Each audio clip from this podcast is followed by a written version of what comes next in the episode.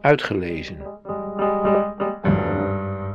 Korte verhalen van en door Janneke Hollera. Meer.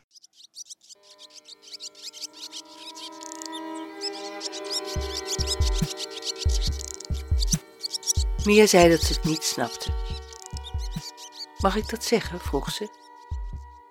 Ik knikte, maar van binnen stond al iemand klaar om de deur dicht te gooien en met een grote sleutel met een baard en kettingen met hangsloten op slot te doen. Waarom schrijf je niet over je pijn? Straks is alles weer goed en dan ben je het vergeten.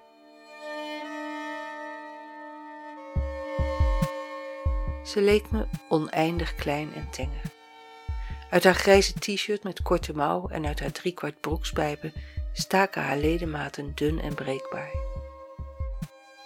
Ik zei dat het misschien een ontsnappingspoging was, er niet over schrijven, er niet aan denken, het er niet meer over hebben. Dat begreep ze. De zwaluwen waren nog steeds in paniek. Ze had eerst gedacht dat zij het was, maar die ochtend had ze ontdekt dat het Minou, de kat van de buren, was. Haar hield ze verantwoordelijk voor de dood van de jonge vogel en de paniekvluchten van de ouders die daarop waren gevolgd. De avond na de moord had ze nog een kleine piep gehoord. Eerst dacht ze dat het uit het niets kwam, later dat het uit het nest kwam. Maar ze durfde niet te gaan kijken. In de nacht kon ze de slaap niet vatten omdat ze niets had gedaan. Stel, er was toch nog een jong en de ouders hadden het in de steek gelaten. Toen moest ze aan haar vader denken.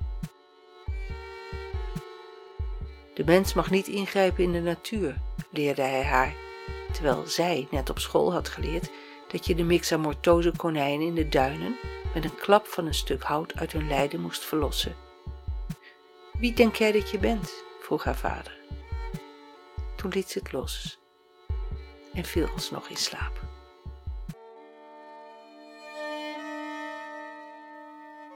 De zwaluwouders waren die ochtend rustig geweest. Misschien kwam het toch nog goed. Ik hoorde de twijfel in haar stem. Een in de steek gelaten kind, daar weet zij alles van. Daarom wilde ze het er ook met mij over hebben. Daarom wilde ze dat ik erover schreef, ik, de moeder van het kind dat had gezegd: Ik wil geen contact meer. Het maakt niet uit of de ouder of het kind de band breekt. De pijn is hetzelfde.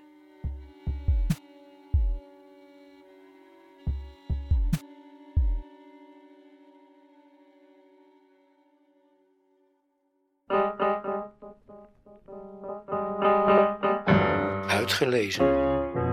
Techniek. Redwing Producties.